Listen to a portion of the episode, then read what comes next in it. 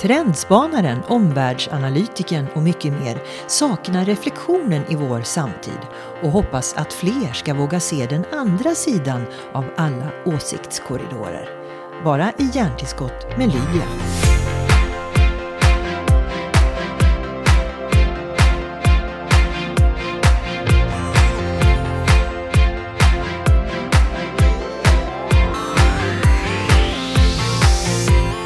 Hade jag så fantastiskt eh, på, för sista gången jag körde ut på Hög, Högberga. Ja.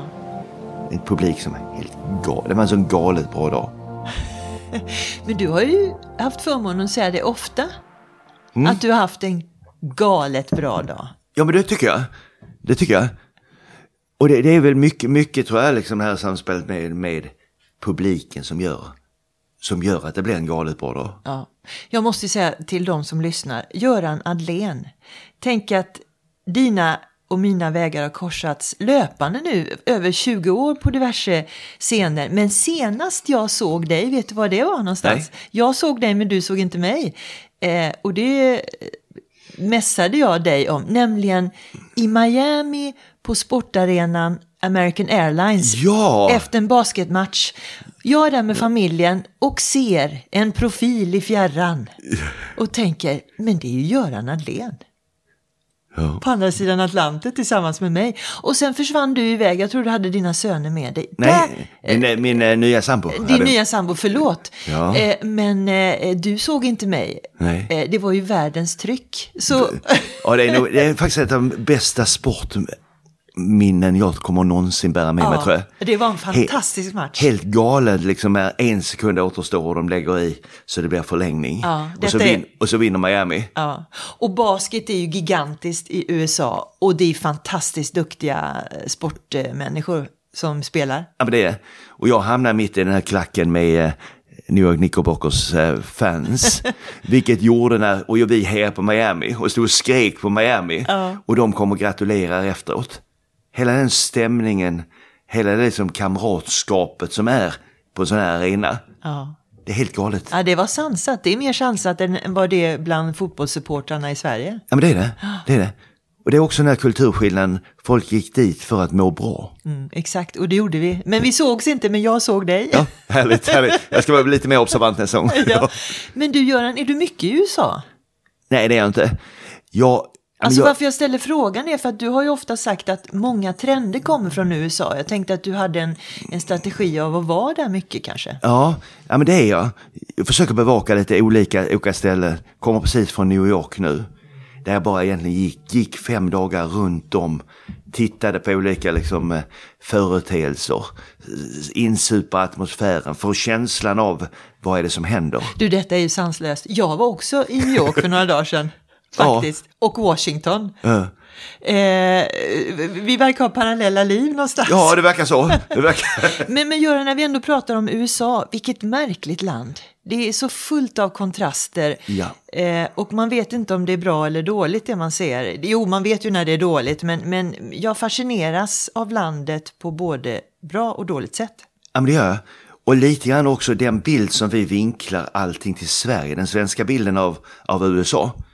Eh, Pernilla Övis, vi satt och såg ett eh, Donald Trump-tal till eh, eh unga färgade ledare. Och vi, vi så, var förbluffade båda två. Det var ett jättebra tal. Det var dessutom otroligt bra stämning, det var mycket skratt på detta. Och det var ett bra tal. Trots att jag gick in med eh, liksom, bilden av att det här gillar jag inte. Så satt jag ändå och gillade det där. Och jag tänkte, den bilden kommer vi aldrig, aldrig få se i Sverige. Eh, skulle det förändra eh, bilden kring Donald Trump, tror du, om man var mer, eh, visade även hans andra sidor, eller? Det, det tror jag absolut. Och det är väl den bilden vi är rädda för, för att alla människor har, har något gott i sig, även Donald Trump. Men vi vill hela tiden skapa de här bilderna av personer. Jag var där och tre, faktiskt tre veckor när det var de här eh, förra valupptakten, de här Super Tuesday-debatterna. Och pratade med väldigt mycket taxichaufförer och väldigt mycket från Latinamerika. Ja, det är fantastiska källor. Ja, det är fantastiska källor och då tror man liksom att Obama var så otroligt populär. Och så fick jag en helt annan bild. Och det, den bilden stämde inte in i min världsbild. Som då har sett upp till Obama och sett ner på Donald Trump. Och så fick man höra de här källorna. Och oavsett vad man, om man håller med dig eller inte så är det ju ganska allvarligt att vi har helt annan världsbild hemma i Sverige jämfört med när vi kommer ut och reser och får höra själva. Exakt. Och nu är jag ingen Donald Trump-fan, så tro inte det. Men, men däremot fick man se en, en, annan bild. Och det är väl lite grann de, de bilderna som vi skapar kring alla personligheter idag. De är goda, de är onda, de är snygga, de är fula. Allt den här bilden bygger vi upp. Och vi skapar rätt så mycket fejkad bild. Så allting är egentligen någon form av fake news idag. Och den debatten är väldigt allvarlig och väldigt het. Eh, när jag reste nu faktiskt med familjen, för det var tonåringarnas eh, present att vi skulle åka, eh, så kom ju det här upp med flygskam, resandet, hur man ska förhålla sig till detta, deras oro, eh, även mina ungars oro för framtiden. Samtidigt som resandet gör att man just kan få sina egna bilder. Hur ska man förhålla sig till det här med fake news och flygskam och eh, oron som faktiskt unga känner? Och även ja. du och jag. Ja, och det är, det är faktiskt något som jag pratar mycket, mycket mer om idag. Hela den här psykiska ohälsan. Och, det, och framförallt bland de unga. Det är över 30 000 barn mellan 10 och 19 år äter antidepressivt. Mm. Det var tionde svensk gör det. Mm. Och jag menar, den skam vi nu kommer att känna, eh, nu tror jag, också med erfarenhet som du har hållit på länge, så vet du också att 2008, då hade vi väldigt mycket seminarium på temat det hållbara samhället. Då var det Al Gore. Eh, mellan 2008 och 2016 var det företaget nästan helt död. Det var inga uppdrag, pratade aldrig det hållbara samhället och nu pratar vi hållbara samhället väldigt, väldigt mycket. Och jag är rädd att det här någonstans blir så överexploaterat nu. Så att vi kommer inte ta frågan riktigt på allvar. Vi kommer fjärma oss från den. Vi kommer inte bry oss så mycket som vi borde göra om klimatet. Mm. Är det naturligt skyddsinstinkt att när någonting är för jobbigt så, så vill vi inte prata mer om det eller? Jag tror vi ledsnar. Det är lite grann som jag hade på min senaste trendrapport, du tog upp hela metoo och visade hur den frågan bara dog ut. Den blev så exploaterad. Det skrevs böcker i princip 14 dagar efter att det började prata, det såldes, man kommersialiserade detta och det skrevs mängder, mängder, mängder med hashtags med metoo. Men problemet är inte löst. Mm. Det har kanske löst på Dramaten, möjligtvis då några interna utredningar. Men vi har inte löst problemet. Mm. Men hur ska man prata om allvarliga saker utan att vi vattnar ur det? Jag, jag, jag tror att vi måste väldigt tidigt i debatten våga se att det finns två sidor av alla mynt. Just när det gäller metoo är jag väldigt rädd för det förs en debatt i det slutna rummet och en annan sak som förs fram i det offentliga rummet. Låt oss öppna byken här då Göran. Öpp vad, vad, är det vi ska prata mer om till exempel när det gäller andra myntet? Jag, jag, jag, nej, men jag, jag tror lite grann på just det här fallet om vi ska gå in här som är ett väldigt, väldigt allvarligt område att eh, vi måste också släppa fram röster som bland kvinnor som inte upplever den här utsattheten. Jag är själv, jag har varit ute på så otroligt mycket eh, föreläsningar och jag kan säga, jag har sett de här företeelserna. Jag har sett det i branscher där det handlar om väldigt mycket makt. Men jag har inte sett det när jag har varit ute med man säger, gubbarna på golvet, gubbarna som står på gatorna och jobbar, utan det är där det är väldigt mycket makt. Det har jag sett det. Mm. Och jag har sett rätt, rätt tråkiga saker också. Mm. Men vi pratade lite grann innan nu podden eh, startade här, eh, i alla fall innan inspelningsknappen trycktes in, eh, nämligen att eh, många män ser sig förbisedda nu för att det är så inne att rekrytera kvinnor och förhöja kvinnor kanske till nivåer som inte alla individer egentligen har behörighet för eller mm. kunskap för. Min mission, och det, det tänker jag fortsätta med till jag slutar, jag tycker att vi ska börja se oss som människor. jag menar, jag är nog mer kvinna egentligen än man. Jag är stor, jag ser ut som en man. Men jag, jag kan väldigt, väldigt mycket om kvinnliga saker. Jag kan dessutom väldigt, otroligt mycket skönhet och skönhetsprodukter och liknande. Suttit i en jury som heter Swedish Beauty and Cosmetic Award som inkvoterad vit heterosexuell man. Det var rätt spännande. Ja. Kom in där 2008 och är kvar fortfarande i det här arbetet. Jag har lärt mig jättemycket om de här sakerna. Och då menar jag liksom när jag står på scen, då ser inte jag mig som man. Jag får inte fram manliga saker. Jag får fram saker som är mänskliga. Och jag som känner dig lite grann faktiskt professionellt en hel del eh, håller ju fullständigt med dig. Du är ju väldigt binär. Ja, Det vill säga, Ja. du, du, du, du, är väldigt, du har kvinnliga intressen om man nu får kalla det för Ja. kvinnliga. Eh, men, men du är ju, företräder ju det manliga släktet fysiskt. Och, och, och, och, det är ju på alla sätt och vis precis så som du säger. ja. Och, och då blir det där med, nej vi kan inte ta honom som föreläsare för han är man. Men jag pratar om kvinnliga saker. Ja. Det jag inte kan prata om, jag kan inte prata om hur det är att vara kvinna och blivit utsatt av manliga trakasserier eller på olika sätt. Men jag kan prata om kvinnliga intressen, jag kan prata om kvinnliga trender. Jag kan mycket, mycket mer om de här sakerna än eh, min sambo. Som är kvinna. Som- så- måste vi lägga till. Det måste vi lägga till ja. Och, och jag menar, jag rekommenderar henne vilka skönhetsmärken hon ska, vilka, vilka märken vi ska gå och titta på när vi är ute. Ja. Och lärt henne jättemycket. Du, det är roligt att vi verkligen pratar om upp och nedvända världen här med olika exempel. Eh, men faktum är att det du ser nu och det du trendspanar eh, slår ju allt som oftast in. Och du var ju, måste vi säga, Göran Adlén, trendspanare långt innan nästan ordet fanns. Ja. ja. Ska vi och, säga och, och, så? Och, det är lite kul, för att jag undervisade på IOM och jag är civilekonom. När jag började 2002, då var det för lite för att kunna få stå på en scen. Så då, då fuskade de till titlar och kallade mig för trendforskare. och så fick jag fråga, vilket fakultet är du knuten till? Så det har hänt en hel del. Jag var då lägst i rang, kom inte in på Handelshögskolan och liknande för att jag var för lite utbildad. Och då ser vi idag hur hela den här branschen har utvecklats. Där eh, många liksom inte har, de är i princip eh, artister på Wallmans.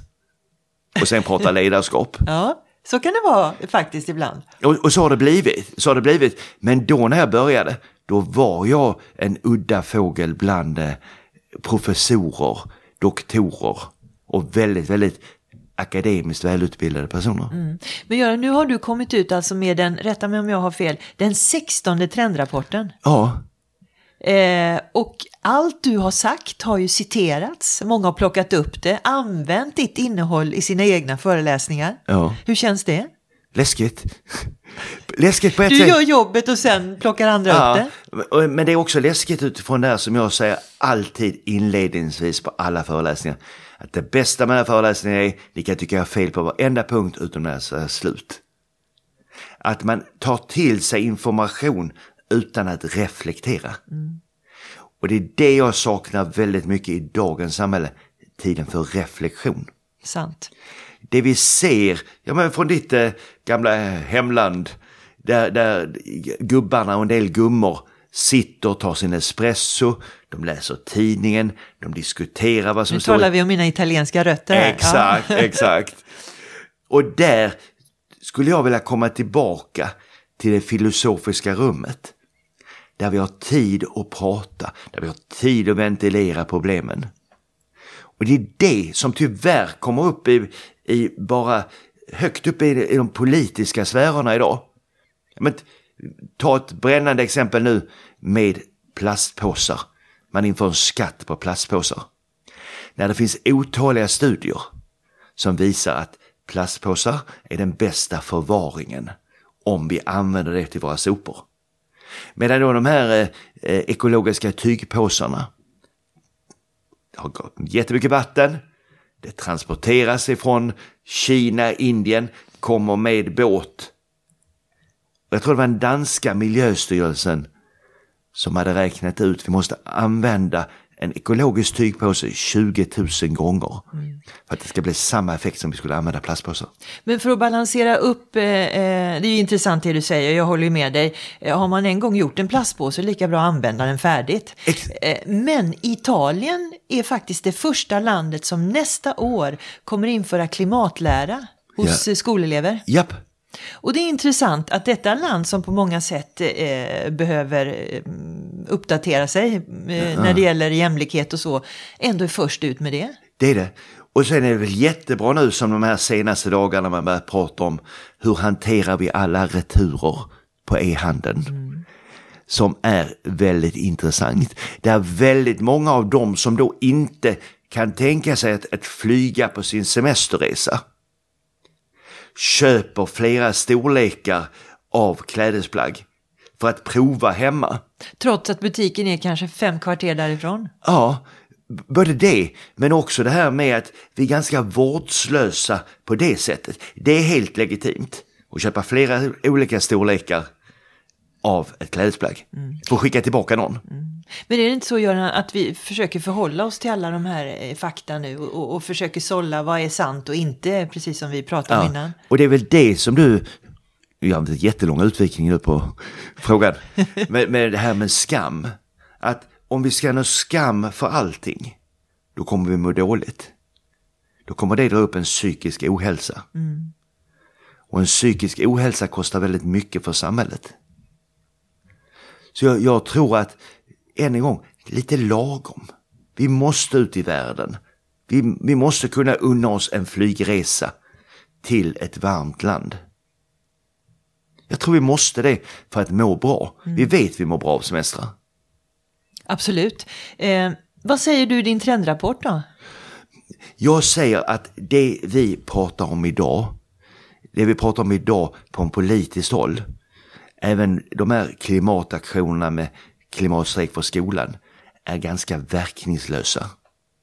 Det handlar om när företagen börjar tjäna pengar och när företagen ser ett incitament att tjäna pengar. Eh, min jacka som hänger där borta i, i studion här är då gjord av recyclade eh, sådana här vattenflaskor. Det är jättebra. Då har man recyclat ett material. Patagonia som då har 80 personer som lagar kläder och uppmuntrar till en icke-konsumtion. Mm. Och det är ett amerikanskt företag faktiskt. Det är ett amerikanskt företag och det är jättemånga när det börjar bli incitament. När Uniqlo, de här stora nu, börjar ändra hela sitt eh, sätt att tillverka jeansen. För att de kommer att tjäna pengar på detta. Mm. Och även H&M har ju deklarerat nu att de ska ändra sina produktioner. Men det är en bit kvar faktiskt. Ja, men jag var, jag var in, i Norge och föreläste och då var, eh, så var marknadschef och hållbarhetschef i eh, H&M Norge. Jag måste säga att jag faktiskt blev imponerad över det arbete och den omställning som de håller på att göra. Mm. Roligt att höra dig Göran vara så positiv kring företagens eh, uppvaknande eh, och att det händer grejer där ute. Ja, men det drunknar. Det drunknar hela tiden i vår debatt. Vi lyfter inte fram de goda exemplen. Mm. Och det är så mycket. I senaste trendrapporten hade jag uppe det här med ätpinnar. Och det kan vi tänka, ja men Sverige, ätpinnar. Men tittar vi på världsbasis så extremt mycket ätpinnar som görs. Mm. Kan vi då få en hållbarhet på detta med material som är hållbart? Och så visar jag upp företag som har satsat på hållbara ätpinnar. Och till och med så du kunde äta upp ätpinnarna med lite matcha-smak och lite sånt där.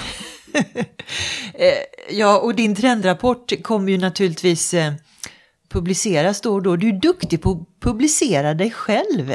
Är det det nya svarta att vara sin egen publiceringsansvarig i alla möjliga sammanhang? Ja, det tycker jag. Och det, det är lite spännande tycker jag. Jag fick plötsligt för mig att i somras så skulle jag ta tag i det här med att göra ett sommarprat. och här skrattar jag för att jag har ju läst på dina sociala medier att du gick och drömde om att du skulle få erbjudande att bli sommarpratare. Ja. Så då publicerade du dina egna sommarpratsavsnitt. Ja, och när, ins- när, när då, det här faktum var att jag insåg jag kommer aldrig få bli sommarpratare längre. Så insåg jag, vad kul att göra det själv. Så vad jag gjorde då, jag började, jag skrev 30 krönikor, publicerade de här varje dag och fick otroligt gensvar. Ja, och de är fantastiska. Jag har ju läst dem. Och då kommer vi till någonting apropå det här med att må bra.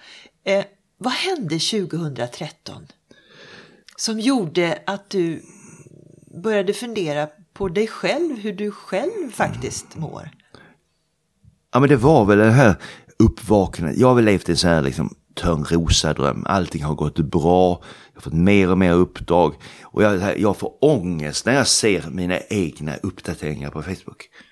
Som bara handlar om jobb, jobb, jobb, jobb. Åter jobb. Liksom här riktigt macho. Jag hade nått 24 föreläsningar på åtta dagar.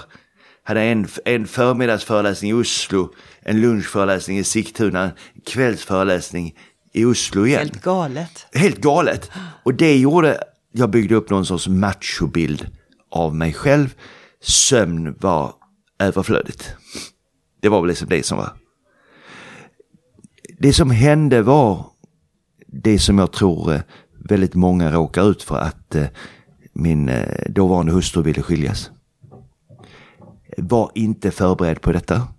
Hade varit ute och rest innan. Skulle såklart sett alla varningar. Det var mängder av varningsklockor. Mm. Men du, jag funderar på det när, när ni var gifta. Hon skötte ju alla dina bokningar. Japp. Så att ert liv gick ut på att hon skulle se till att du jobbade så mycket som möjligt. Eftersom hon bokade dina jobb och till slut kanske inte fanns så mycket kvar att umgås. Nej, det var inte det. Nej, men vi, hon inte bara bokade, hon gjorde alla prestationer, och gjorde, hon är grafisk formgivare och var väldigt involverad. Så det blev en fabrik av eh, vårt liv. Mm. Tråkigt. Det är jättetråkigt. Eh, jag hamnade liksom, inte förberedd, hamnade liksom fosterställning på golvet. Och, och börja redan då få upp ögonen, titta, man tittar runt i köket, man såg allt det fina, alla de här vita Prylarna. högblanka prylarna, mm. allt rostfritt, det var så mycket rostfritt. På Förlåt detta. att jag skrattar. Men... Ja, nej men det, det och eh, började väl redan då när man låg på golvet inse liksom vad är det jag har gjort? Och eh, reste mig då. Jag vet fortfarande inte var jag fick liksom kraften från. Men jag fick ett par mantra liksom som jag började leva efter. För det första ska jag säga, jag, började, jag jobbade jag stod på scen två dagar efter. Vet inte vad jag pratar om, men det gick bra. Och det konstiga är att publiken uppfattar dig som bättre än någonsin. Ja, jag fick in en sårbarhet i, i mitt eh, liksom, sätt att vara. Mm, du var inte bara en maskin längre. Nej, utan, mm. för jag varit en väldigt robotiserad person. Eh, bestämde mig någonstans att eh, liksom, allt är, är mitt fel. För att jag insåg liksom att om jag ska kunna ändra mig så måste jag ta tag i mig själv. Mm. Och hade ingen bitterhet då mot eh, Karin heller. Och det underlättade väldigt, väldigt väl. Så hela vår skilsmässoprocess gick otroligt smidigt. Inget tjafs, inga diskussioner, utan allt var bara någonstans, allt är mitt fel. Hur tog du tag i dig själv då och började möta dig själv? Hur, hur, hur gjorde du då? jag gjorde allt. Jag vet fortfarande än en gång inte varför jag gjorde vissa saker. Eh, jag gick på hypnosterapi. Eh, läste mängder av böcker. Pratade med psykologer. Men framförallt så började jag ta tag i mig själv genom att börja umgås med mig själv. Ja, du, jag, tyckte, jag har läst någonstans att du körde bil mellan Stockholm och Göteborg utan musik och ingenting just bara för att du ville ha tråkigt med dig själv. Ja, och, och, och då, då fick jag för mig att ha tråkigt med sig själv måste vara det bästa sättet att umgås med sig själv. Det var vansinnigt tråkigt. Gick, gick mil efter mil utan hörlurar. Men för första gången i mitt liv så var jag själv. Så jag hade ett år, liksom ett tibetanskt munkår, där jag levde helt med mig själv. Men det är väldigt starkt Göran, efter att ha varit så uppbackad av en familjemedlem och, och sen är allting bara, handlar allting bara om dig. Ja, det var, det var jättekonstigt. Eh, det, det, som är, det som är kul, det är att eh, Karin och jag, ex, hon jobbar fortfarande tillsammans. eh, hon har gjort, vi har gjort två böcker. Vi har, hon gör alla mina prestationer. Och har varit anställd och, eh, eller anlitad ska jag säga, hela tiden. Och det har funkat otroligt bra. Det var ju väldigt roligt att höra. Ja, jag tror att tack vare att vi, man offrade inte allt det man hade byggt upp. Så jag fick eh, liksom en, en bit kvar. Vår jobbbit tillsammans. Och sen har jag en annan relation idag. Ja. Eh, kan du säga någonting till alla dem som kanske är mitt uppe i relationer och jobb där man hela tiden vill prestera. Det vill du väl fortfarande prestera och jobba. Men, men har du några tips för att man inte ska hamna i, för mycket i, i djupet? Jag tror att den typ av jobb som eh, jag har och som du också har. Det är väldigt, väldigt lätt att all strålkastarljus kommer på en själv. Det jag trodde, det var att liksom hela familjen också skulle uppskatta den här framgången. Att just du stod i strålkastarljuset? Ja, och det, det är det jag tror är väldigt svårt. Och där tror jag man ska vara observant lite grann. Att det är mycket en one man show. Mm. Ego tar sitt pris. Ego tar sitt pris. Och jag tror, utifrån det jag har lärt mig om hjärnan, att vi blir, vi blir liksom så kickade av dopamin. När vi står på scen, när vi får uppmärksamheten, när vi får applåderna, presenterna. Så vi vill bara ha mer, mer, mer, mer. Vi blir missbrukare. Och det tror jag liksom att man ska vara observant på. Men hur hanterar du det idag? För du tycker väl fortfarande om att få applåder och presenter och ja, hyllningar? Ja, det tycker jag. Men, men jag har en bättre distans till det idag. Mm. Det, är inte, det är inte hundra bra, mm. men det är bättre. Vet du hur många uppdrag du har gjort upp till nu? Har du räknat dem alla någon gång? Ja, men om, omkring 4 000. På hur många år? 20. Mm. Så eh, kör lite mindre idag än vad jag gjorde i början, men i början var det väldigt, väldigt mycket. Har du någon gång behövt tacka nej till ett uppdrag? Ja, och jag har tackat nej till väldigt mycket uppdrag genom åren för att jag har då vägrat föreläsa på engelska. Jag gjorde allvarligt försök på att bli bra på engelska. Kunna hålla bra föreläsningar på engelska. Men bestämde mig, nej, jag fixar inte detta. Så jag har tackat nej till väldigt många uppdrag som skulle kunna varit fantastiska för mig men jag känner att jag kan inte leverera så bra som jag vill.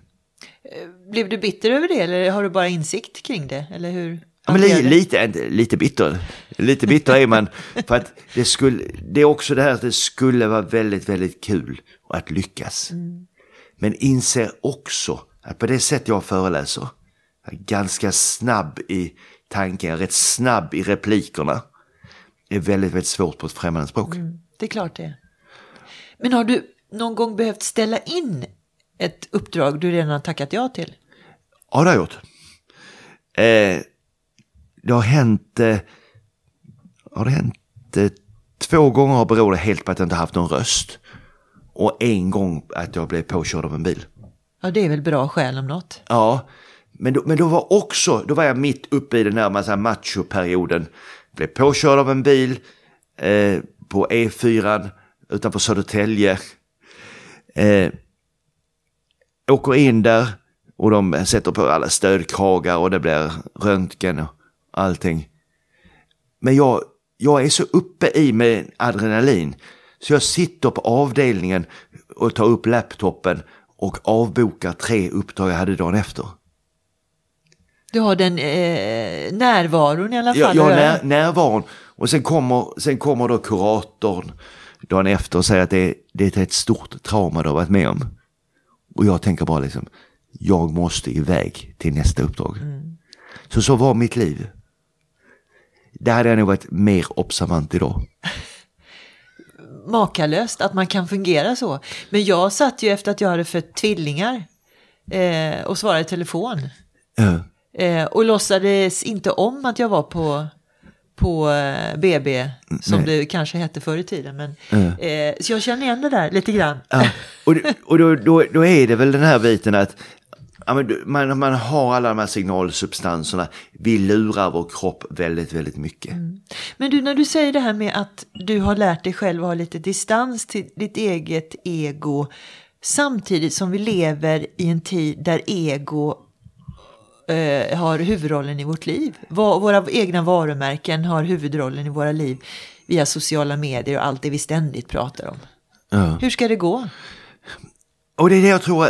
Jag tror att vi håller på med ett stort självbedrägeri på de här sociala medierna. Det fanns en studie som jag såg i England som visar att folk som lägger upp väldigt mycket parbilder har sämre relation än de som inte lägger upp parbilderna. Nej.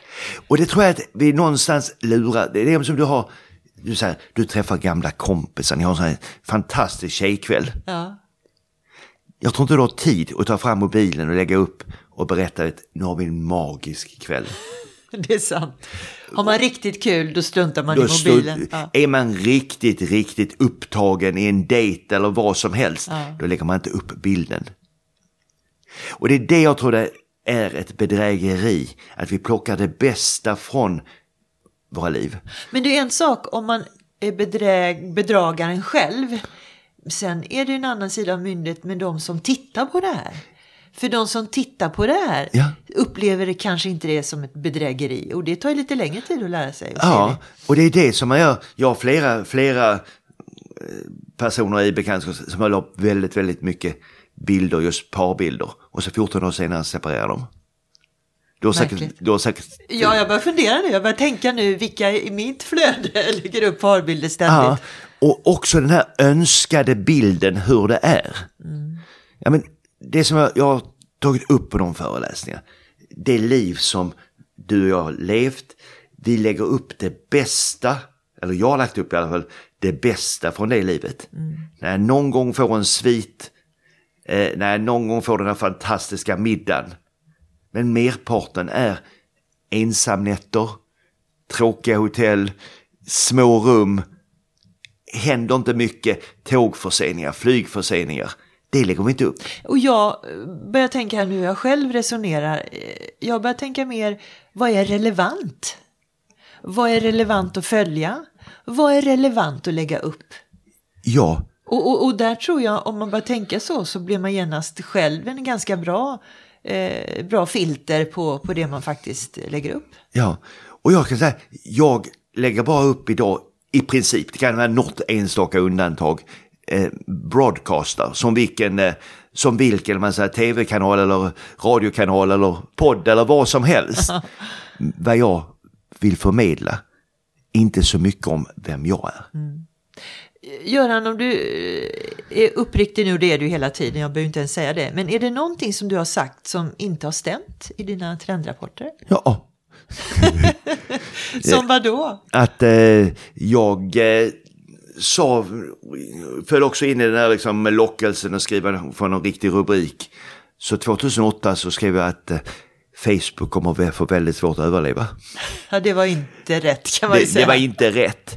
Men då, då var det precis på den här gränsen att ska det ta fart eller inte ta fart. Den berömda tipping pointen. Tipping liksom. pointen och jag missbedömde tipping pointen. Vad jag sen konsekvent ser i mina trendrapporter är att jag har legat lite för långt fram, för tidigt. Att vi säger hela tiden, det har aldrig gått så långsamt som nu. Och jag säger på bullshit. Det tar mycket, mycket längre tid att få igenom förändringar.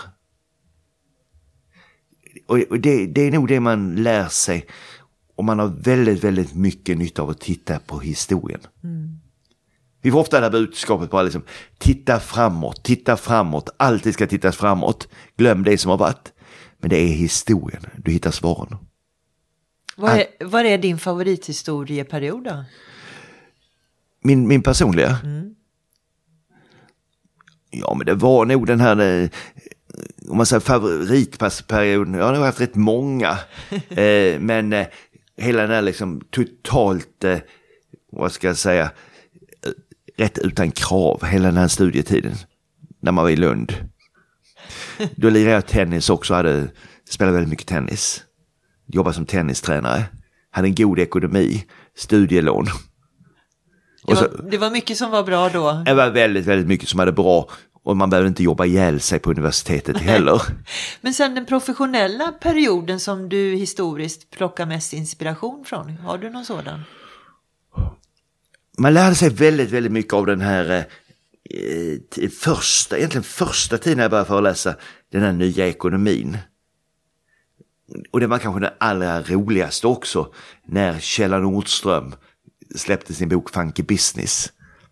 Det var väldigt, väldigt spännande. För, föreläsarmässigt då så fanns det inte så många. Och det var rätt revolutionerande, allt det som hände när vi kom in i den nya formen av digitala eran. Men du höll inte med om allting som Kjell Nordström sa på den tiden va? Nej, det var väl mycket av den här nya ekonomin. Nya ekonomin. Sen ska man säga, Kjell har alltid varit min stora förebild. Och det är väl egentligen därför jag började föreläsa också. Jag tycker han var fantastisk och är fantastisk. Du kompenserar det här lite för eh, det motståndet du gav honom i början där kanske? Ja, li, ja men lite, lite grann. Jag, tyck, jag, tyck, eh, jag tycker man ska ge varandra motstånd. Jag tycker man ska kunna skilja på sak och person. Eh, många av de som jag har blivit mest inspirerad av är de personer som jag inte håller med om. Det är bra att veta. Ja, men det är det. Vad höll du inte med om då i synnerhet när det gällde Nordströms? Oh, nu är det, det var, jag tyckte det var väldigt mycket ett storstadsperspektiv. Och att vi glömde bort den här landsbygden. Och det, det är väl egentligen det som har följt med mycket av hans spaningar. Den här, jag tror på landsbygden. Jag tror att vi kommer att fly storstäder. Det märker vi ju redan va? Vi börjar se, vi börjar se det och det mest intressanta är att i storstäder så började vi bygga upp småstäder i storstan. Mm. Det gick jättemycket nu i de här, nu höll vi oss på Manhattan när vi var i New York. Men går man bara lite grann från huvudstråken så ser vi hur det börjar poppa upp eh, det lilla bageriet, det lilla kvarterskrogen, det var som att gå i en småstad. Mm. Och, och det här är, det är många som säger olika saker. Å ena sidan växer det upp gallerier och, och de överlever knappt. Och sen handlar det om småbutikerna som inte heller knappt överlever. Och någonstans mitt i detta vill vi ha det som förr. Ja. Mer lokalt och mer enkelt. Ja, och där tror jag också vi kommer göra en jättestor missbedömning på den här generationen Z. De, där våra barn befinner sig. Ja, men de tycker det är bökigt att beställa på nätet. De tycker det är bökigt att förflytta sig till ett utlämningsställe och hämta ut paketerna. De vill helst bara ha det här och nu. Mm. Men sen är det väl också så Göran att när vi pratar om storstad och landsbygd att rent hälsomässigt så är ju naturen det som läker oss mest. Ja, och det är lite kul nu, jag såg förra veckan att i Skottland har de börjat skriva ut naturen på recept. Fem läkare som har börjat skriva ut detta. Jag var i, eh, också i Norge den här veckan, som vi pratar, och eh, pratade om den norska fjällnäringen. Spännande, skåning som pratar om norsk ja, ja. fjällnäring. Men, men hur det bara håller på att växa. Mm. Hyttelivet. Vi vill fly ifrån det uppkopplade livet. Mm. Göran, vad är din nästa vision? Vad är ditt nästa mål? Mål har jag inte satt. Jag har aldrig haft något mål. Och kommer inte ha något mål heller för jag tror att mål är hämmande. Eh, jag tror att eh, man ska ta chansen mycket, mycket mer. Man ska ta, dra nytta av slumpen, det som händer runt omkring. Passionen. Och vara närvarande, ha antennerna ute? Ha antennerna ute. Eh, så mål har jag undvikit att sätta hela tiden. Och jag tror att äh, var gång du hör någon som pratar om mål på scen, tror jag att det målet är skrivet i efterhand. Jag tror inte på detta, utan livet är mycket mer slumpmässigt. Vi tar mycket, mycket mer omedvetna, irrationella beslut än vad vi själv erkänner. Så mål, mål har jag inte. Visionen är såklart jobbmässigt, kunna fortsätta ett tag till och leva det liv som jag lever idag, där jag mår bra, har hälsa och en bra relation. Ryggsäcken är kastad, Göran. Ja, det kan man säga. Det gläder mig. Tack för att du kom. Tack så jättemycket.